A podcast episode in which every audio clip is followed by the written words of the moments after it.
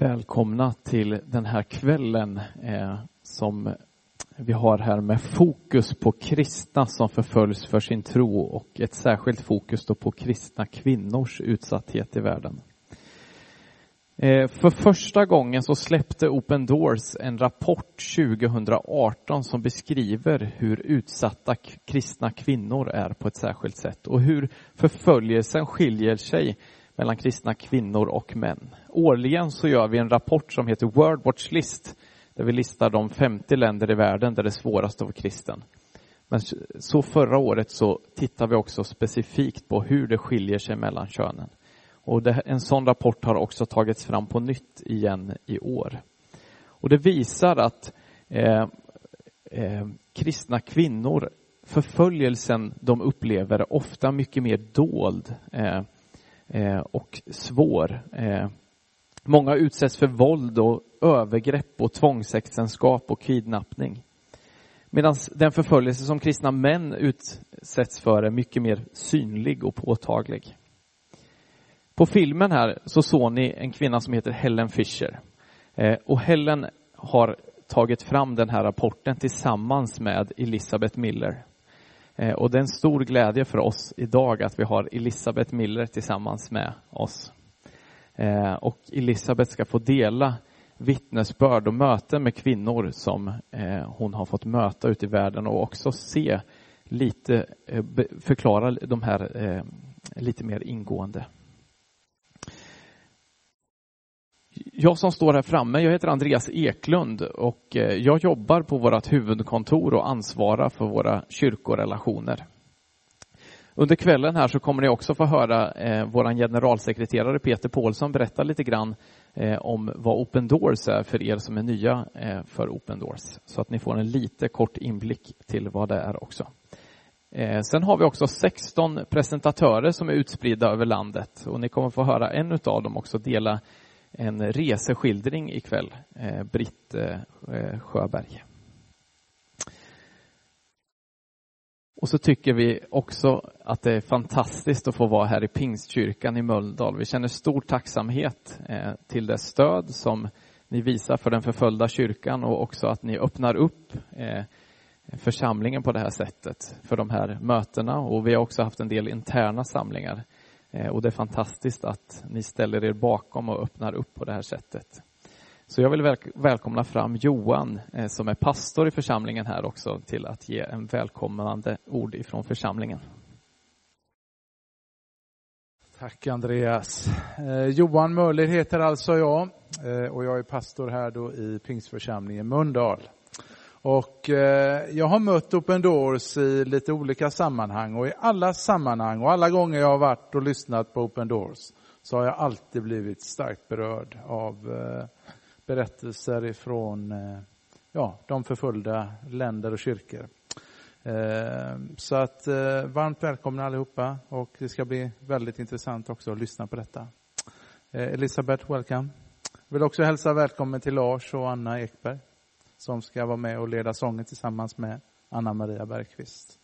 Vi kan väl lägga den här gudstjänsten eller det här mötet i Guds händer. Herre, jag tackar dig för att du är mitt ibland oss och du har varit med under hela den här helgen när Open Doors har samlats här, Herre, för att prata om något så angeläget och viktigt, Herre. Som kvinnor under förföljelse. Och Herre, vi ber idag att du ska vidröra våra hjärtan, Herre. Vi behöver dig och vi behöver din hjälp, Gud, för att ta oss an sådana här viktiga frågor, Herre. Herre, sätt de verktyg i våra händer som vi behöver för att göra det bättre för de förföljda kvinnorna, Herre. Och ge dem den hjälp och den stöd de behöver, Herre. Tack Gud för allt annat i det här mötet som ska hända och ske. Vi ger det till dig, Herre, så att det får bli till din ära. Amen. Ja, det är en stor glädje och med stor tacksamhet som vi är i er församling och ikväll eh, gästar er här i Mölndal. Eh, Open Doors är alltså en organisation som jobbar med världens förföljda kristna, eller i tjänst för världens förföljda kristna. Eh, och vår verksamhet här i Sverige har, har bedrivits nu i cirka 11 år. Eh, och an, eh, ämnet är blir allt mer angeläget. Inte minst när vi tänker på vad som hände här nu förra helgen nere på Sri Lanka. Ehm.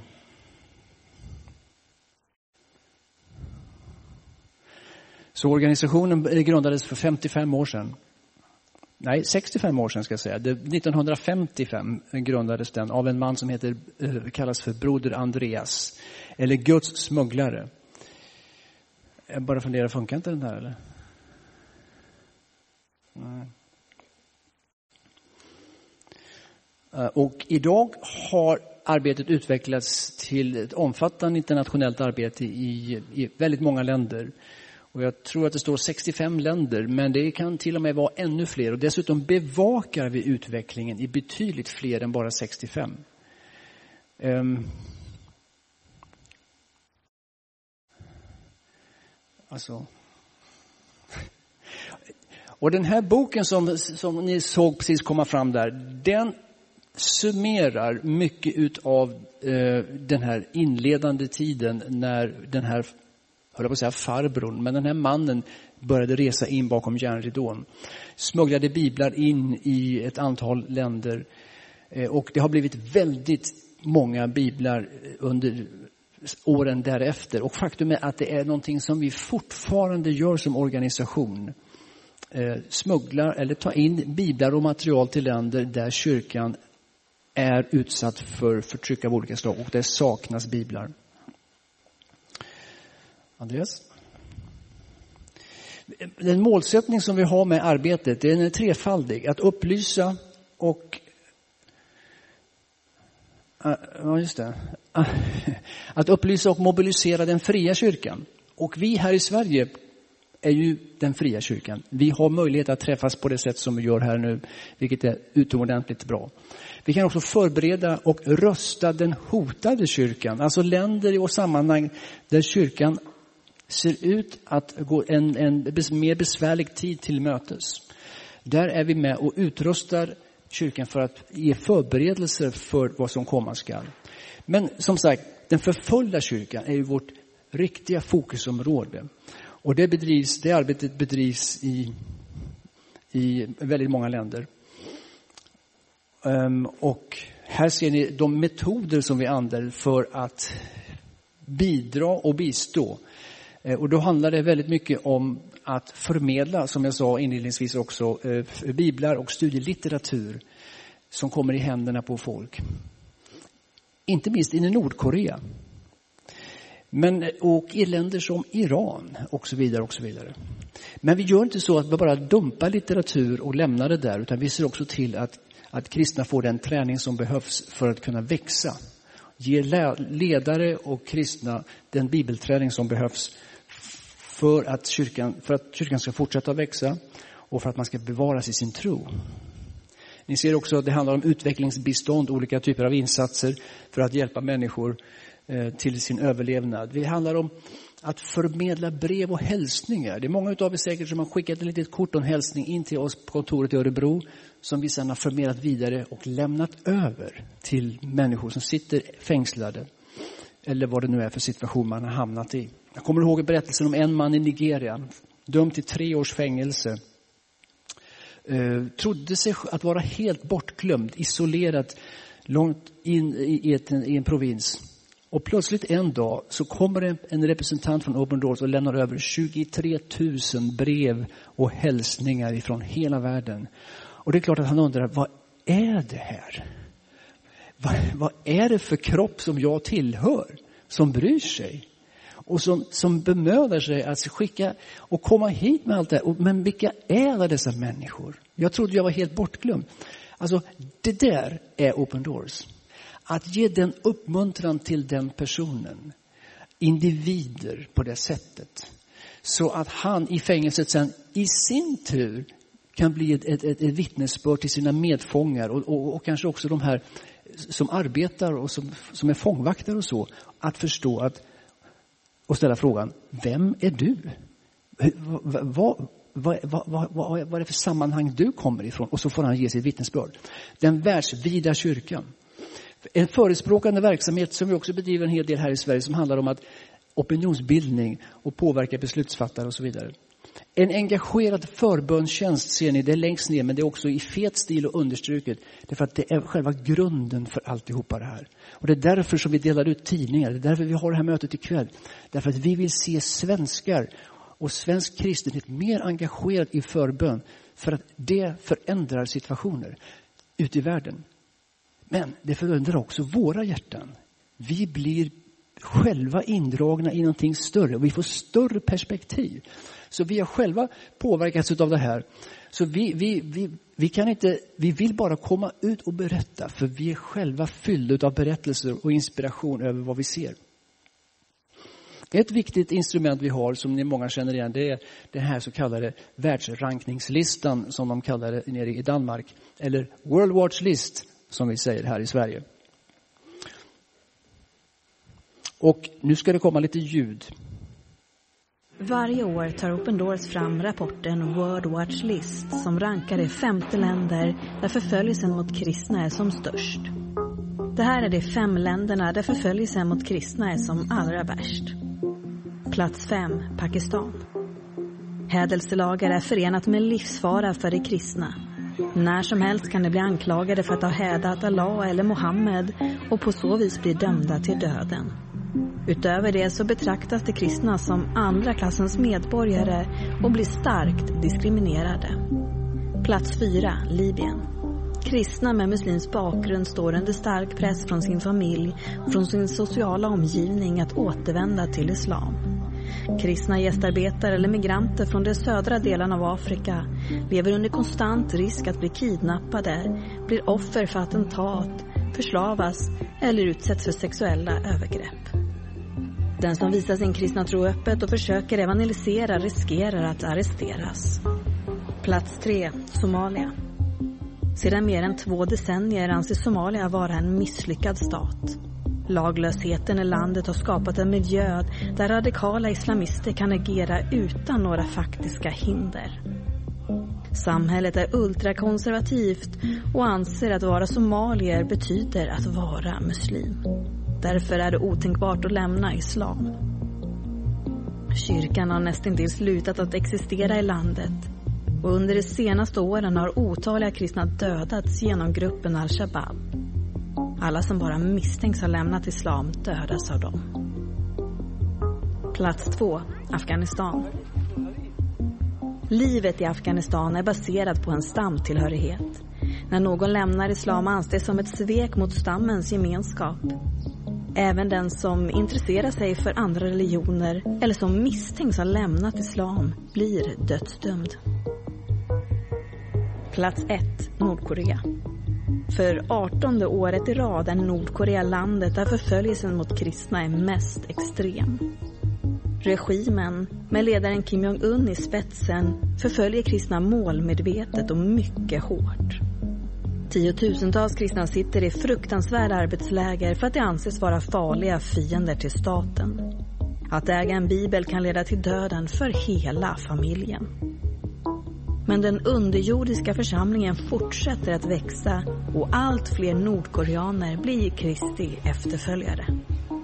Bakom alla siffror i World Watch List finns mängder av personliga berättelser från förföljda kristna. Flera berättelser och mer information om de 50 länderna på listan hittar du på vår hemsida www.open-doors.se.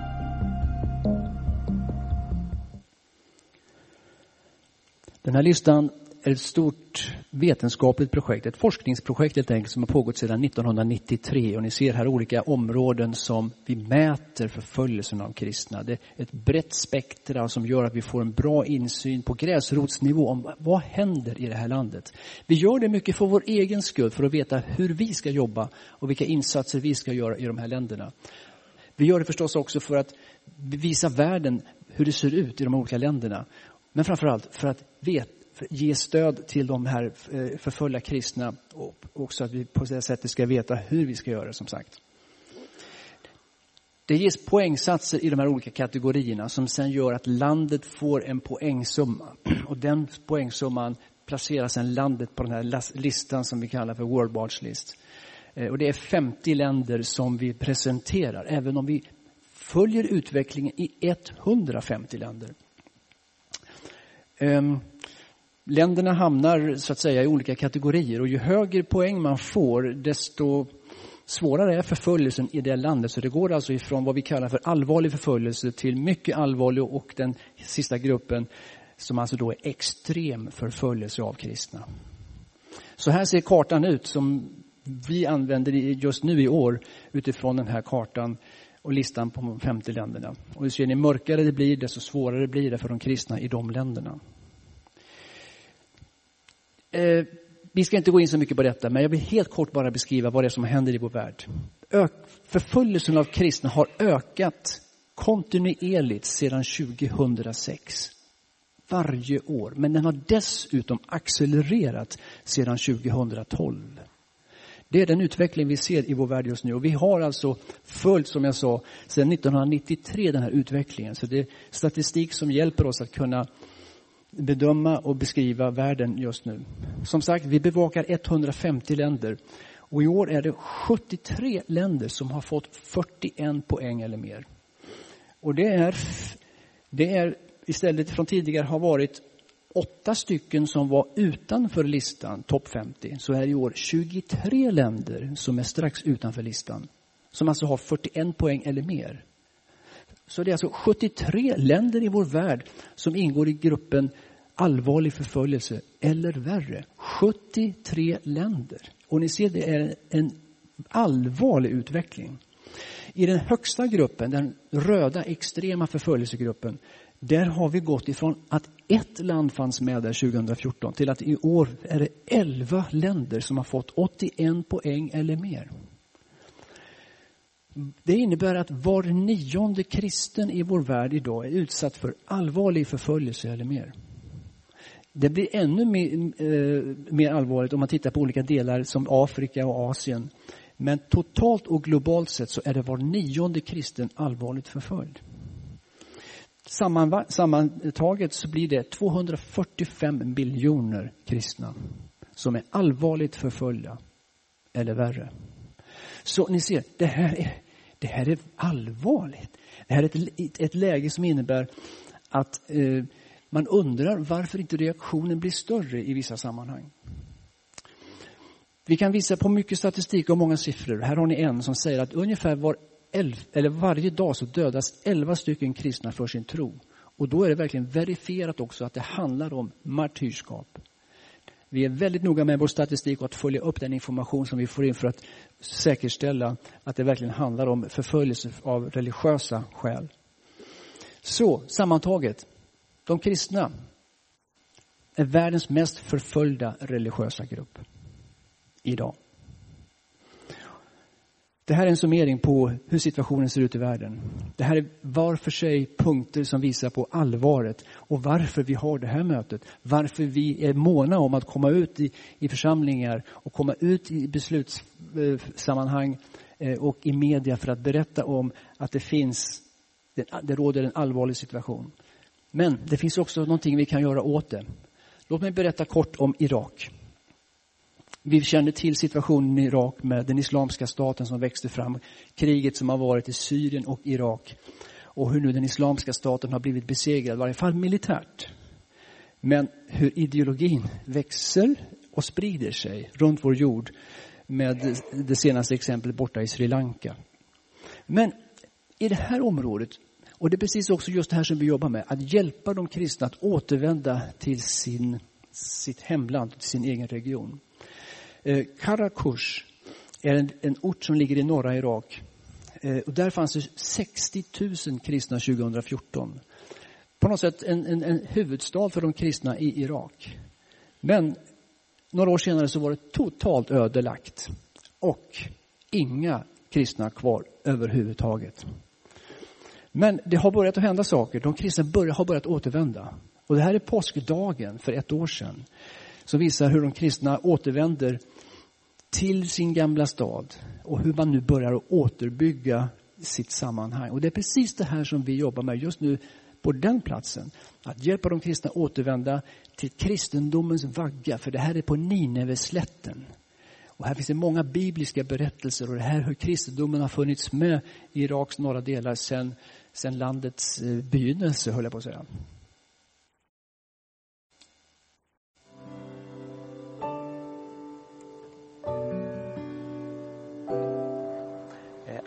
Father George Jahola, and uh, I'm uh, responsible in this uh, church, and uh, uh, I give spiritual uh, and pastoral support in this church. It's Easter now. This Easter is very important to the faithful in Karakosh. It is the first Easter after returning to this this town. It is a big message also to the world as Christ rose uh, from the dead, uh, also this uh, congregation is raising from uh, the ashes. One year ago, the city was uh, empty. Uh, now, many people come back. They rebuild their houses, and the life uh, back. The Lord give us power to stay in this town and to continue life living here. The church uh, contribute to rebuild houses. Uh, uh, till now, we repair uh, 1,500, helped by uh, many organizations uh, like yours. Repairing houses encourage the population to stay here, to stay in Iraq, and to witness their faith in this land. I hope that Christians turning back in, in this land will be inspiration for the Christians uh, around the world to be not shy from their uh, faith and to be Christians in uh, their lands.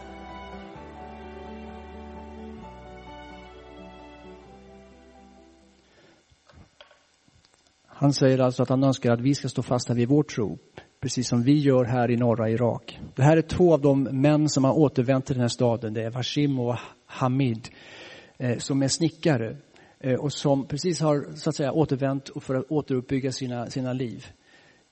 En av mina kollegor besökte dem och, och sa att vi skulle vilja ha några kors. Skulle ni kunna tillverka några kors som vi kan ta med oss när vi är ute? Eh, och det gjorde de. Och här är korset. Här är korset. Det här är symbolen som binder oss samman med Kristi kropp. Det här är ett kors som har gjorts av en hantverkare nere i norra Irak som har återvänt till Karakush. Korset binder oss samman. Vi är en kropp. Och Kristus är uppstånden. Och det budskapet predikas nu återigen i norra Irak. Det är vår uppgift att göra det här i Sverige och runt vår jord. Men vi är en kropp. Vi har ett kors. Vi har en frälsare. Och vi vill stå med den förföljda kyrkan så att Guds riket kan växa och blomstra förkunnas runt vår jord. Och vi önskar att ni är med på det också. Tack ska ni ha. Nu ser vi fram emot att få lyssna till Elisabeth eh, som har eh, kommit hela vägen från USA hit för den här helgen. Eh, som jag nämnde tidigare så har två rapporter utgivits. Så för er som är intresserade så finns möjligheten att sätta sig in lite mer i de här rapporterna. Eh, båda de här rapporterna finns tillgängliga på vår hemsida eh, under informationen om det här seminariedagen som finns idag. Så gå gärna in och läs lite mer eh, i de rapporterna om ni vill. Men nu ska jag inte stå och prata mer utan varmt välkommen fram Elisabeth och tala. Good evening. Thank you so very much for having me here. Thank you, Pastor. Thank you. And I am very grateful for Roland. He'll have to tell you that I said I was grateful. Yes. Jag vill tacka så jättemycket för att jag får vara här. Vill, eh, och att hon tackar för mig också. Och jag ska översätta för henne ikväll. So, I am going to tell you in particular about our Christian sisters in Nigeria. Jag ska speciellt prata ikväll om våra systrar i Nigeria. So, oh, very good. If you were here with us just a little earlier, I went through uh, a presentation on the 2019 Gender Specific Religious Persecution Report. Om ni, om ni var här lite tidigare idag så gick jag igenom 2019 års eh, eh, rapport om, om könsrelaterad förföljelse. We looked at a number of things, but one of the things we wanted to see was how would we characterize persecution for men differently from, than for women? Vi tittade på många saker, men bland annat så tittade vi framförallt på, på hur det skiljer sig förföljelse mellan män och kvinnor. And we would say that for men, persecution is particularly focused, severe, and visible. Eh, Så för män är, den, är är förföljelsen eh, fokuserad, eh, kraftig och eh, synlig. And for women, it is complex, it is violent, and hidden. Eh, För kvinnor så är den komplex, den är våldsam och den är dold. As we looked at pressure points facing Christian men and Christian women, we saw that economic harassment was the key means of targeting Christian men. Och när vi tittar på olika för, eh, former av förtryck så såg vi att eh, ekonomiskt eh, förtryck var, var eh, dominant för män. And for women, we saw that the key means were sexual violence, forced marriage, and rape. Och för kvinnor såg vi att det var sexuellt våld, tvångsäktenskap och eh, våldtäkter. There is no overlap in these top three pressure points. Det finns ingen, ingen, ingen, inget, inget, eh, inga likheter med de här topp tre mellan män och kvinnor. But a more detailed description sees that uh, the further list of pressure points facing Christian women shows that they also experience those three pressure points that are targeted at men. Och när man tittar längre ner på listan så ser man att de här eh, för, punkterna, för, formerna av förtryck återkommer längre ner på listan för kvinnor också. But she experiences those to a lesser degree. Men de, upple, de, de, de upplever det till, till lite, in, inte lika intensivt. So, we're going to focus in on how it affects Christian women. Så vi ska fokusera nu på hur det här påverkar kristna kvinnor. World Watch List methodology looks at two different types of, two different expressions of persecution. Så World Watch List tittar på två olika uttryckssätt för förföljelse. One is what we call squeeze. Eh, Ett är vad vi kallar eh, press, eller try- förtryck. Yeah. This is the pressure of Christian, that Christians experience in all areas of life. Det här tittar på hur, hur förföljelse ut i- alla områden, alla aspekter av livet. And smash is just plain violence. Och eh, smash är då rent våld, alltså fysiskt våld. Smash is easier to be measured and tracked through concrete incidents. Um, våldet är lättare att mäta och följa och rapportera på eftersom det är synligt. We will see several instances of how this, this smash, that we call it, applies to women. Eh, och vi ska titta specifikt på hur olika sätt som det här fysiska våldet eh, påverkar kvinnor. And in particular, I'm bringing you examples from Nigeria since I was recently there. Och jag kommer ge ett exempel från Nigeria eftersom jag nyligen var där. But she also experiences this, what we call this squeeze. Eh, Och, ehm, och vi, vi, de, kvinnorna upplever också det här, våld, eh, det här förtrycket som, som kallas för squeeze, alltså som är inte fysiskt våld. And for Christian women, it's not just because of their choice of religion. Och för, för kristna kvinnor så handlar det inte bara om deras val av, av religion, av, It's- av tro. Also because of their gender and the inherent vulnerabilities as a Christian woman in their culture. Och- Utan det handlar också om deras kön och de, de nedärvda eh, formerna av förtryck på grund av det i, i deras eh, i sammanhang. Whether or not she has been attacked, our Christian sisters live every day with the threat or reminder of violence. Och även om de inte utsätts så lever de varje dag med de, det här hotet som hänger över dem om våld. What does it do to a person to experience this?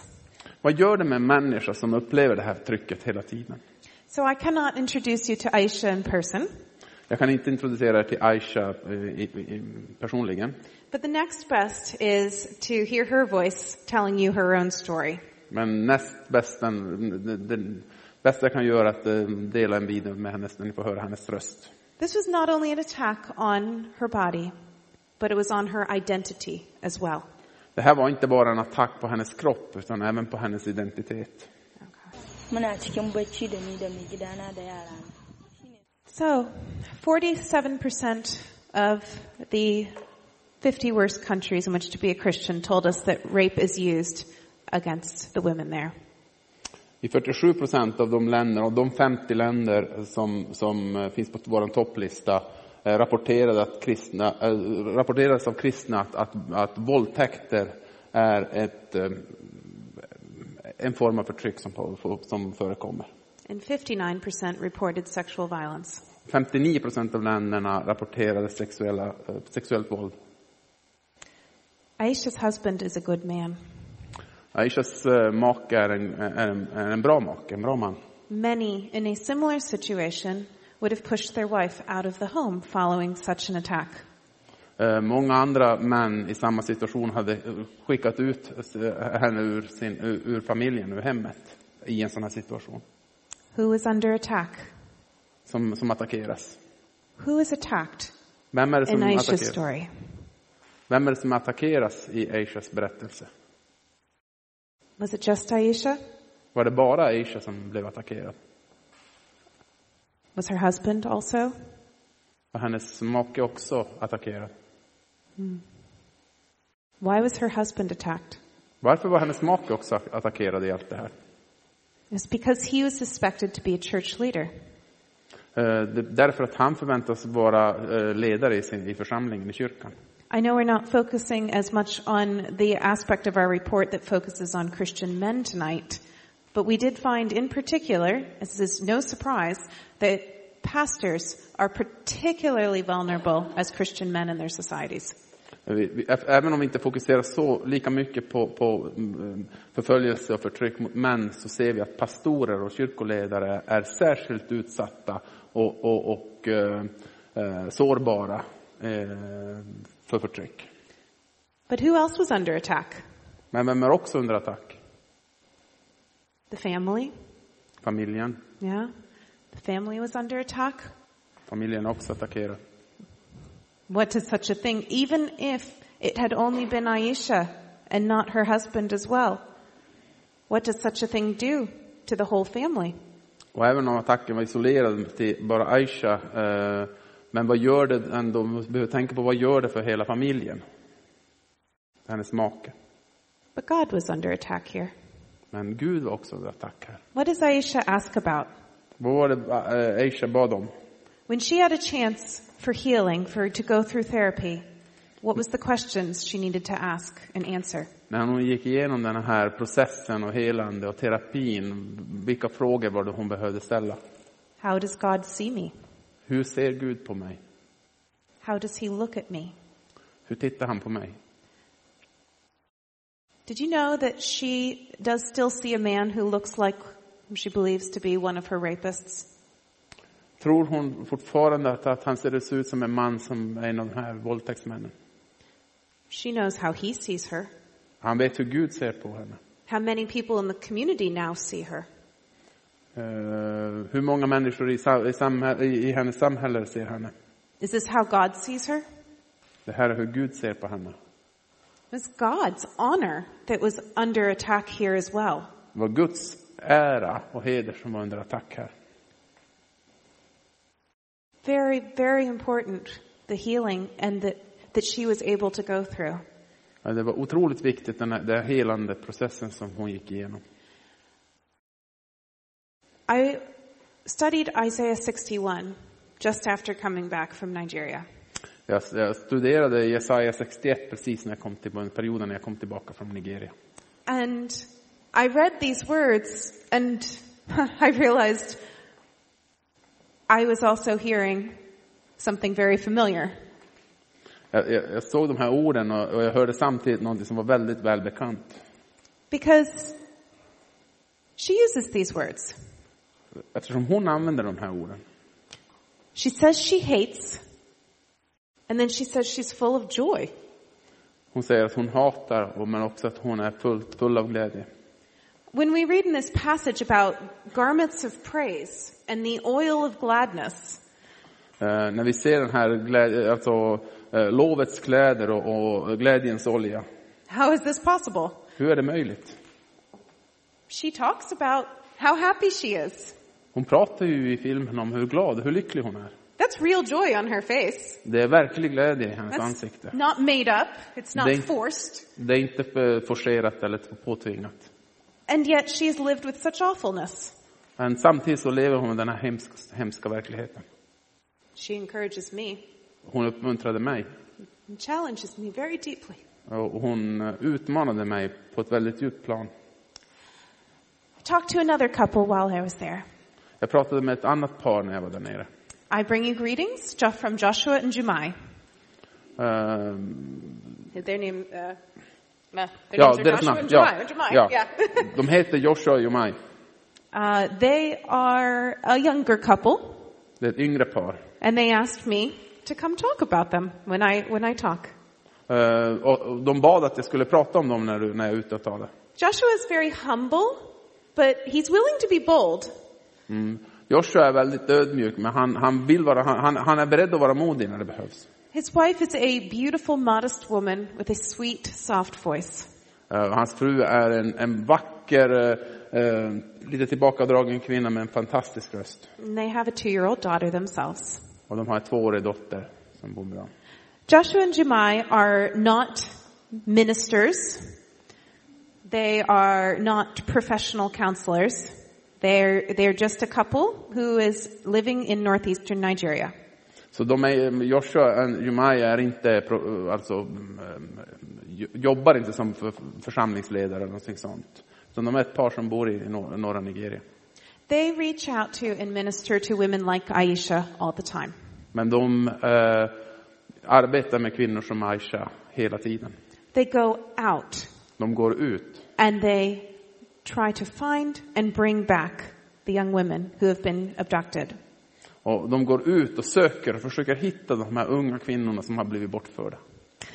They, they work and work, and if they can, they have negotiated for up to now, I think, 11 releases. Och de arbetar och arbetar hårt och de har hittills lyckats få elva befri, alltså kvinnor att bli befriade. Joshua is an architect, Joshua är arkitekt. but they bring these women into their homes for healing when they are not welcome back in their own homes. Men de tar de här kvinnorna in i sitt eget hem för att kunna helas och återupprättas. Där de inte är välkomna i sina egna hem. Joshua and Jemai helped me also to see more of the story. Eh, Joshua och Jomai hjälpte mig också att se mer av den här historien.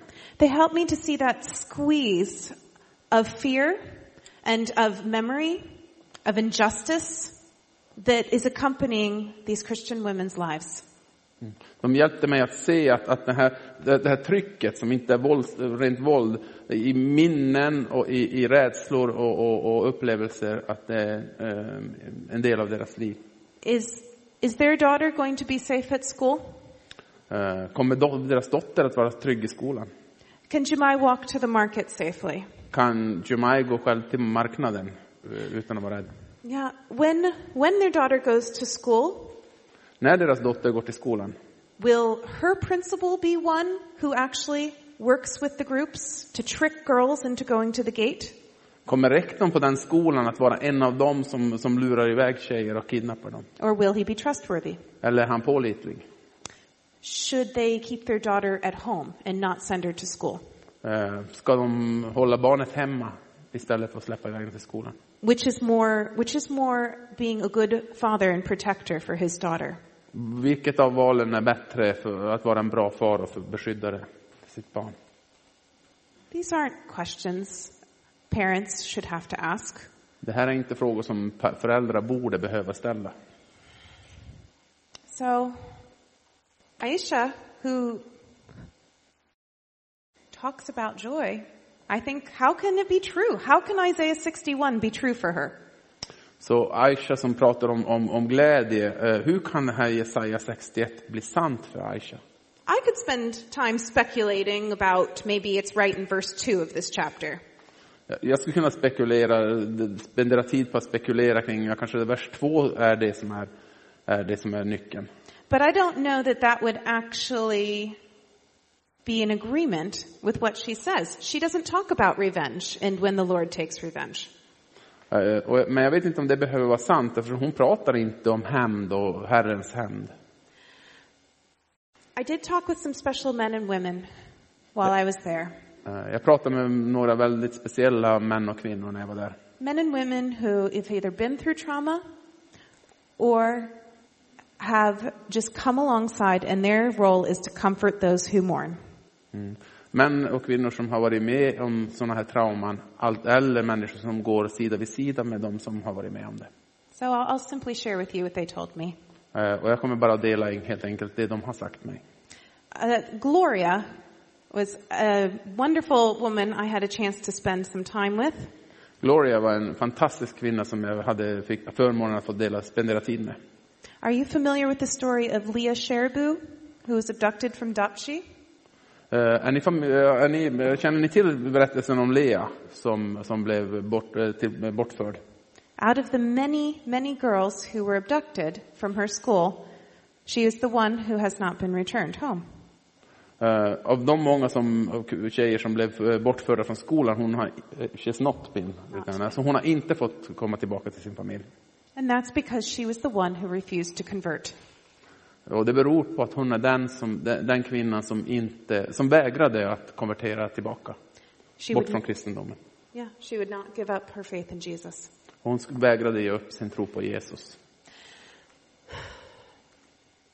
Gloria sits with Leah's parents.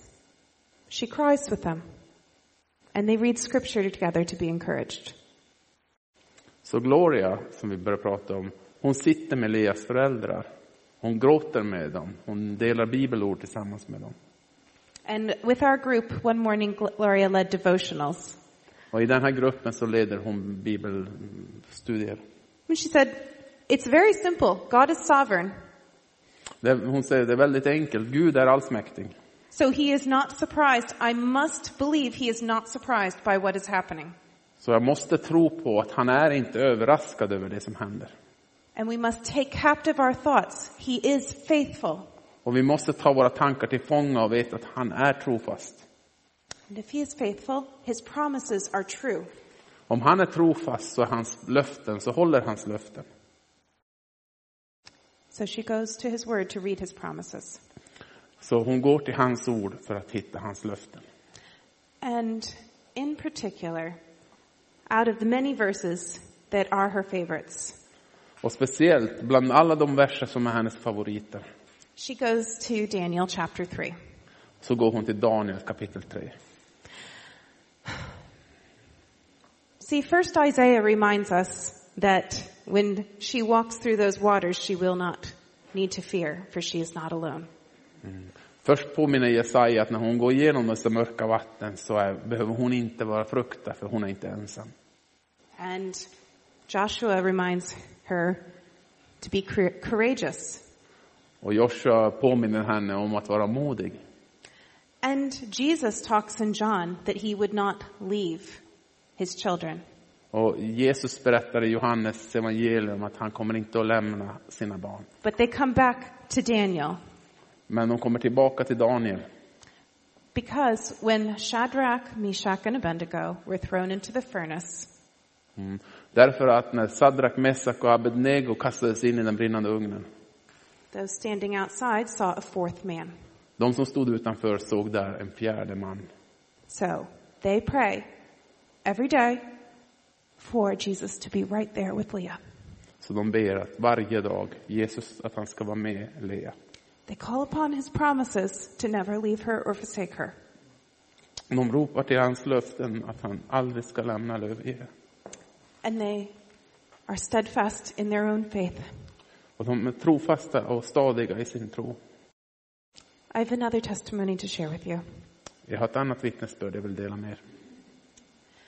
This is Esther's testimony. Det är Esters berättelse. Fixar. I asked Elin to translate because I think it's important to hear in a woman's voice too. Esther's own story.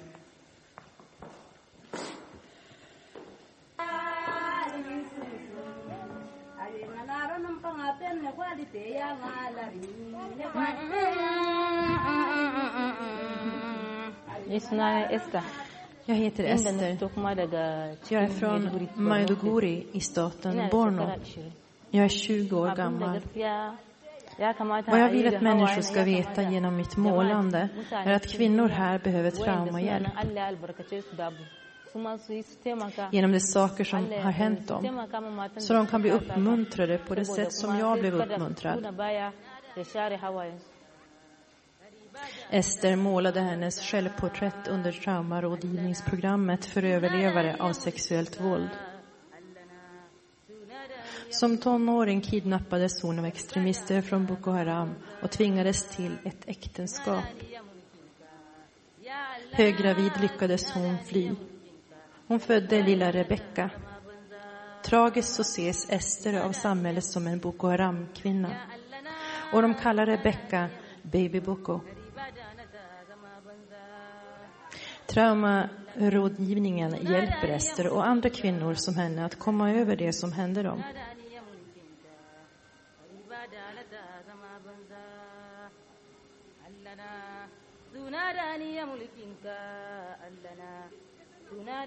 Om du kallade min dotter för Boko Haram baby innan jag kom till denna rådgivning så skulle jag ha slagits.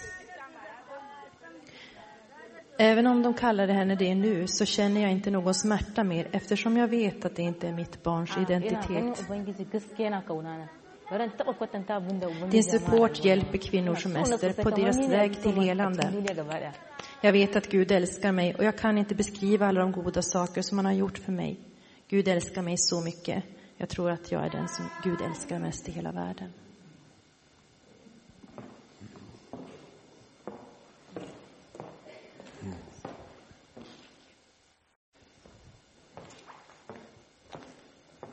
I have not personally met Esther, but I know that she spent three and a half years in captivity. Jag har inte träffat Ester personligen, men jag vet att hon har spenderat tre och ett halvt år i fångenskap. I brought her story to you because she wants it to be shared. Jag tog med hennes berättelse till er därför att hon vill att den ska bli delad. Hurts to hear these testimonies, Det gör ont att höra de här berättelserna. and one of the women said, much, you know, she says, when one part hurts, en kvinna sa, sa, sa eh, vilket är intressant, när en del lider. Yeah, she says, we're, we're kind of like the little finger, our church in this little part of Nigeria. We're like the little finger of the body. Ja, så att vi här i, i, i Nigeria, vi är som lillfingret, en del av lillfingret. She says, but I, I know, I know that the whole church hurts with me. Men jag vet att hela eh, kyrkan, hela Guds världsvida kyrka eh, delar min smärta. Esther's story shows us that often attacks are made worse by the community's response. Eh, Esters berättelse visar att eh, sådana här attacker ofta eh, förvärras av eh, samhällets svar, alltså svar eller reaktioner. It's important to know that these churches also are full of normal people, normal human beings just like you and me. Det är viktigt att förstå att alla de här församlingarna och kyrkorna också består av helt vanliga människor, precis som du och jag. These communities are too. They're trying to do what's right. Eh, De, de här sam, samhällena, de försöker göra det som är rätt. I don't believe they're trying to be cruel, but they are saying things that hurt very deeply when they choose to identify her baby by her attackers. Men, men de, de gör uh, oförståndigt så gör de, de försöker göra det som är rätt, men oförståndigt så skadar de väldigt på djupet när de kallar Esters dotter på det här sättet för det här, för Boko Haram-barn. We're broken people. We have broken responses.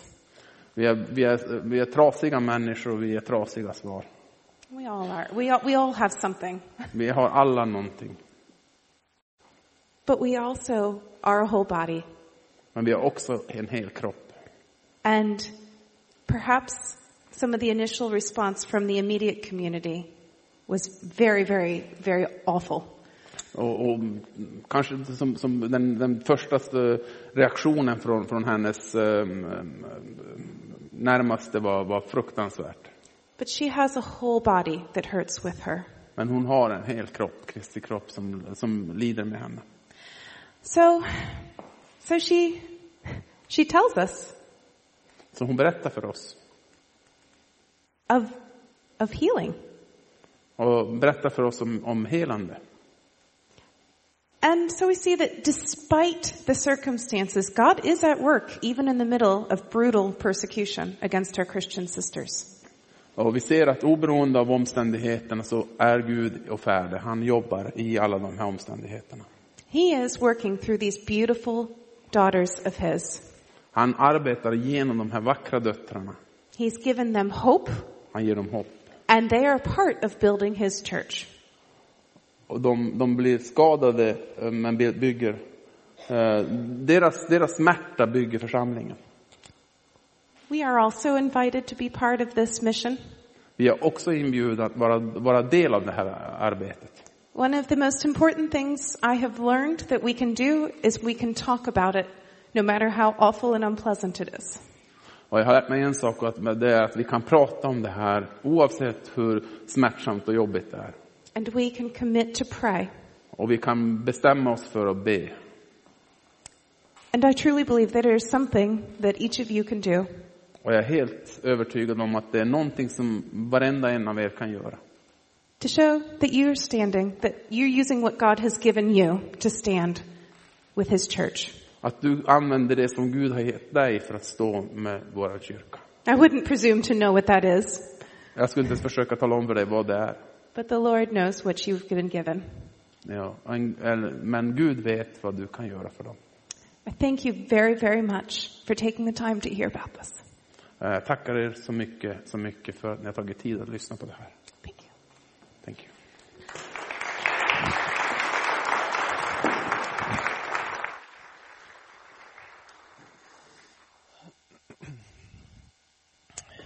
Stort tack Elisabeth. Eh, eh, det vi, har, det vi har hört här tror jag berör våra hjärtan på djupet. Att höra om våra syskon. Eh, och att Guds trofasthet håller. Jag tänker att det är, det är också någonting jag tar med mig i det här, det jag har hört nu. Att Guds löften eh, och hans kraft de håller i alla livets omständigheter. Gud eh, överger inte våra syskon. Han är mitt ibland dem också där, i deras lidande och står tillsammans med dem. Men vi har blivit påminda också om att vi är en kropp, vi är en familj som är kallade att stå tillsammans med våra syskon. Och i Hebreerbrevet så står det att tänk på dem som sitter i fängelse som om det gällde er egen kropp. Det står inte tänk på dem som sitter i fängelse och försök att identifiera sig lite grann med dem. Utan det står tänk på dem som om det gällde er egen kropp. Vi ska stå så nära våra syskon som om det gällde oss själva. Och det är inte bara för att de behöver oss, utan vi behöver också få höra de här budskapen som vi har hört idag. Att Gud är trofast, hans löften håller och vi kan ära honom också mitt under det svåra som kan drabba oss. Och Gud kan också ge glädje och tacksamhet också i de svåra situationerna. Vi ska gå in i en stund av tillbedjan eh, igen.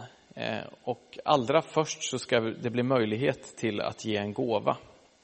Eh, och under den här gåvan så blir det också möjlighet att respondera på annat sätt. Det ekonomiska är ett sätt, men ni har fått tidningar som ligger utdelade på era, era platser. Längst bak i de här tidningarna så finns det en respons, eh, responsark som ni kan riva ut. Eh, och där kan man, finns det tre olika sätt man kan välja att respondera. Du kan vara med i bön. Vi hörde om bönens betydelse också. Gud är med och verkar genom bönen och kan bära våra trossyskon genom bönen. Och vi har fått höra det så många gånger när vi möter våra trossyskon att bönen är det som de uppmanar oss till att göra och stå tillsammans med dem i. Eh, och också att Gud bär också genom våran bön. Så det kan vi göra. Vi kan skicka en hälsning till någon som är drabbad och uppmuntra dem på så sätt. Eller själva åka ner och besöka. Är du intresserad av att regelbundet få en bönekalender hem till dig? Ja, då kan du bocka för, eh, om du inte redan har det, i den här, på den här responsfolden att du vill vara med och be och regelbundet få information så du kan hålla dig informerad men också informera andra om vad som pågår av förföljelse. Och också dagligen vara med och be. Och, eller eh, vara med och be eh, några dagar per månad. Men också kan du bocka för om du vill, är intresserad av att resa och träffa våra syskon. Eller ta in biblar till de som saknar det. Eh, eller resa till ett land och vara med och be för de kristna där.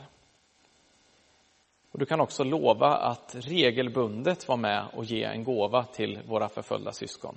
Eller också ge, vara med och respondera nu och ge en enskild gåva vid det här tillfället.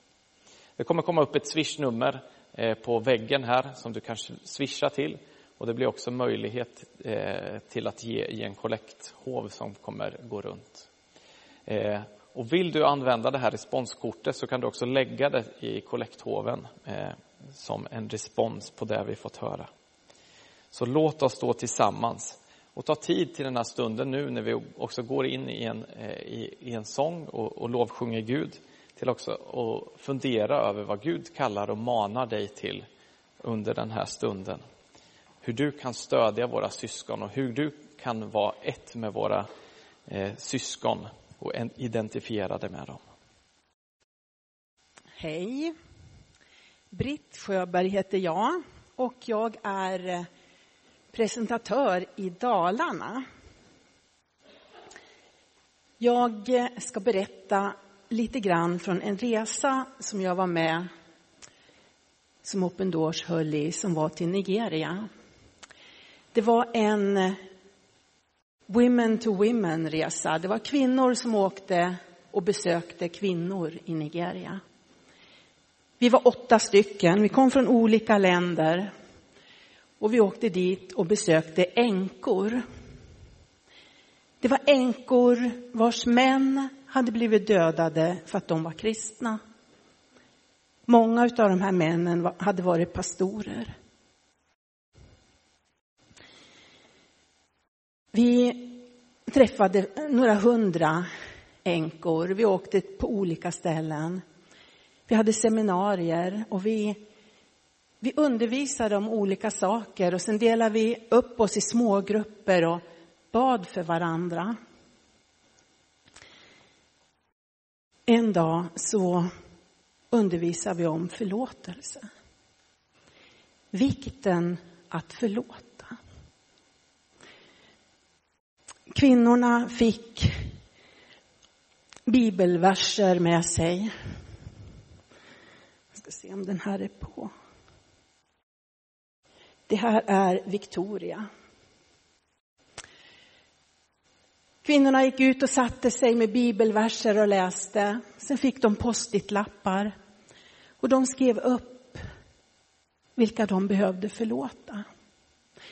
Och då kan man tänka, det här som de här kvinnorna har gått igenom, kan man förlåta det? Är det möjligt? Jag tror att det är det med Guds hjälp. Jesus sa ju faktiskt att vi skulle förlåta. Vi skulle be för dem som förföljer oss. Vi skulle förlåta. Här sitter Victoria.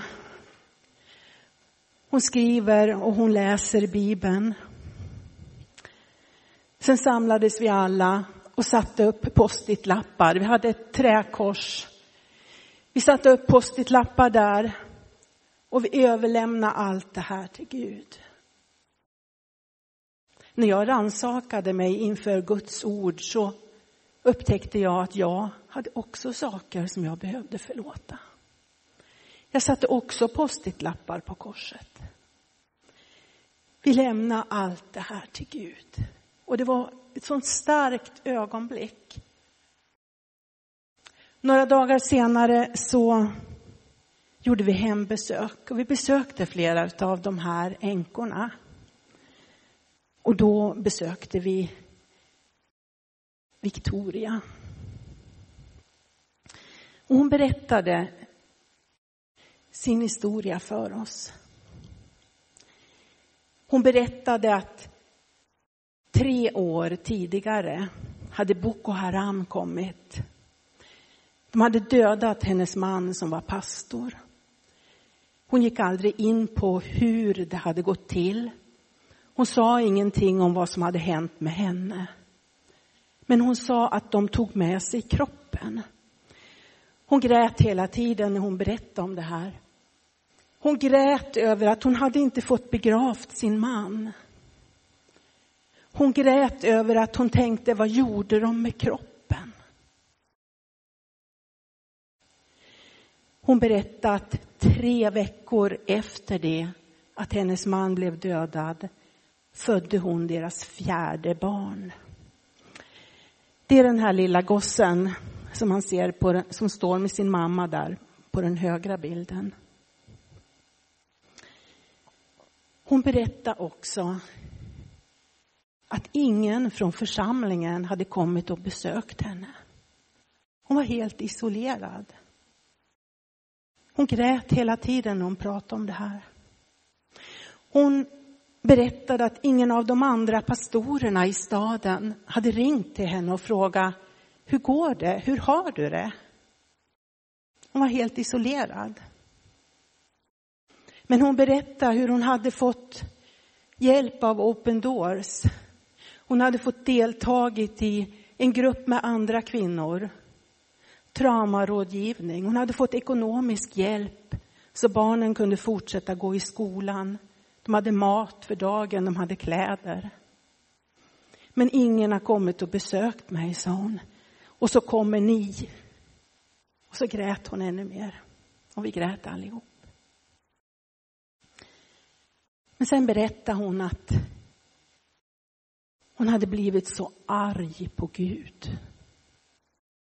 Hon hade sa till Gud, men Gud, hur kunde du tillåta att det här hände? Hur kunde du tillåta att min man blev dödad? Vi var ju dina tjänare. Det var ju dig vi tjänade.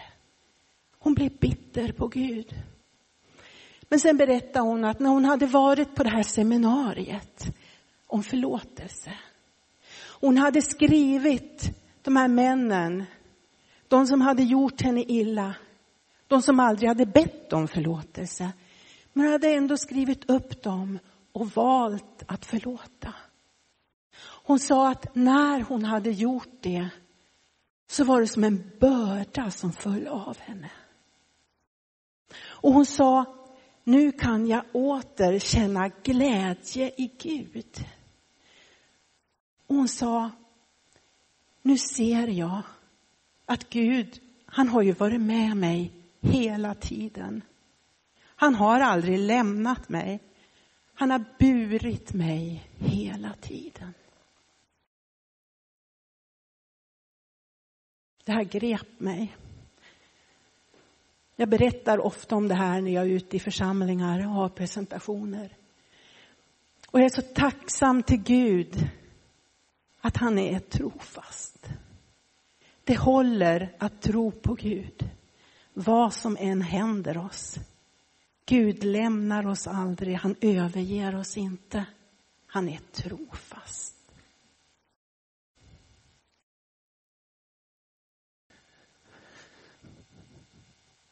Stort tack för den här kvällen.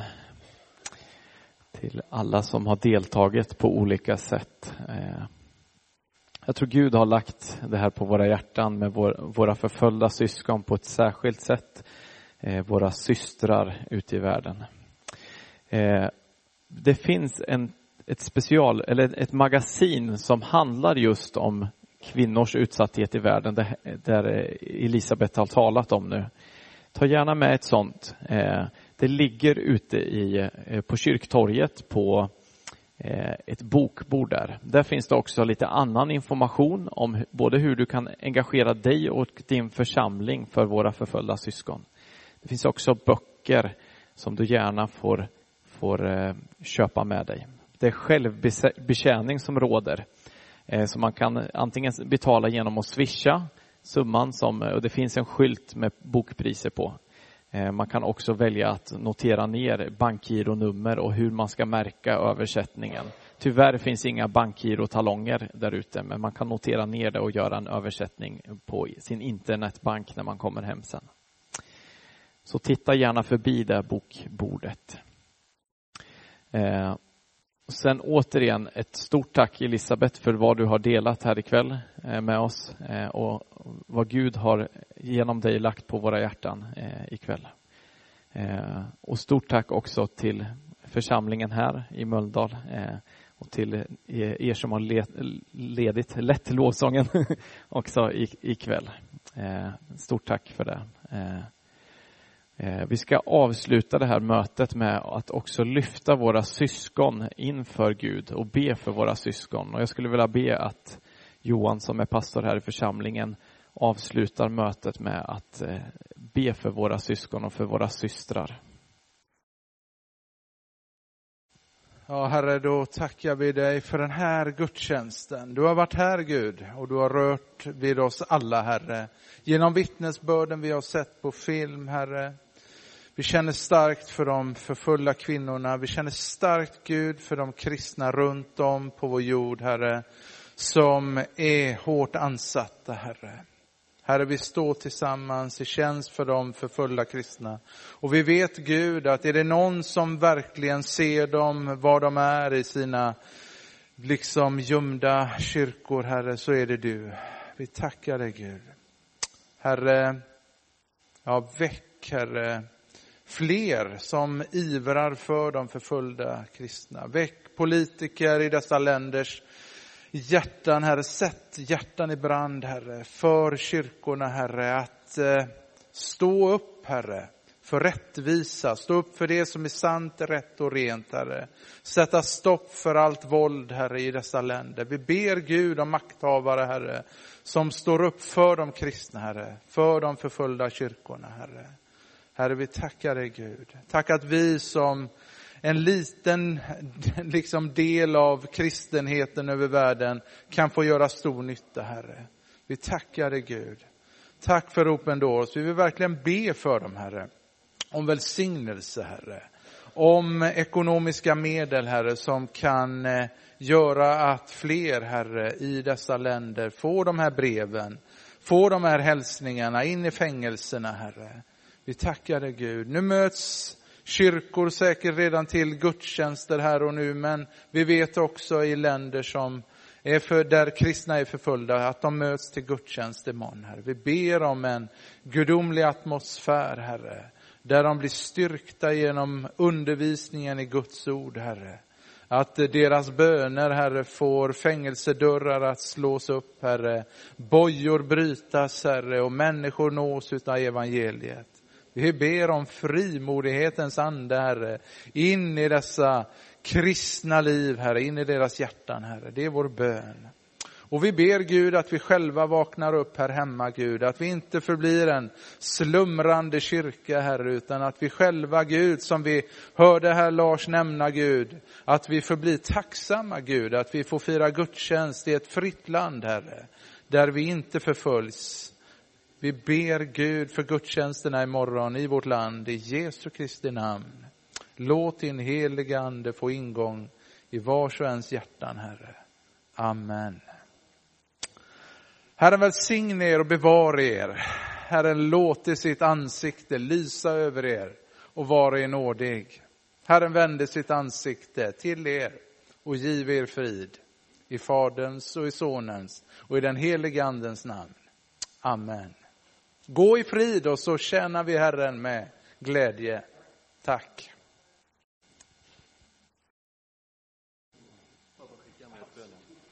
Jag vill faktiskt skicka med ett bönämne till er.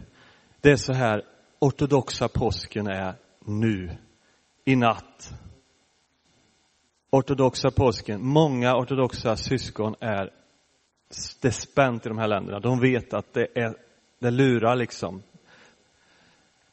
Eh, ska vi ta med det som ett bönämne, att, vi, att de får uppleva lovsångsdräkten som vi hörde om idag, att den, att den kläs i alla kristna när de går frimodigt till kyrkan imorgon, eller i natt till och med. Att de inte ska gå med fruktan utan de ska få sjunga ut lov till livets Herre. Och det ska skingra alla mörkrets makter som vill hota och skrämma och tysta kyrkan och släcka ljuset i de här länderna.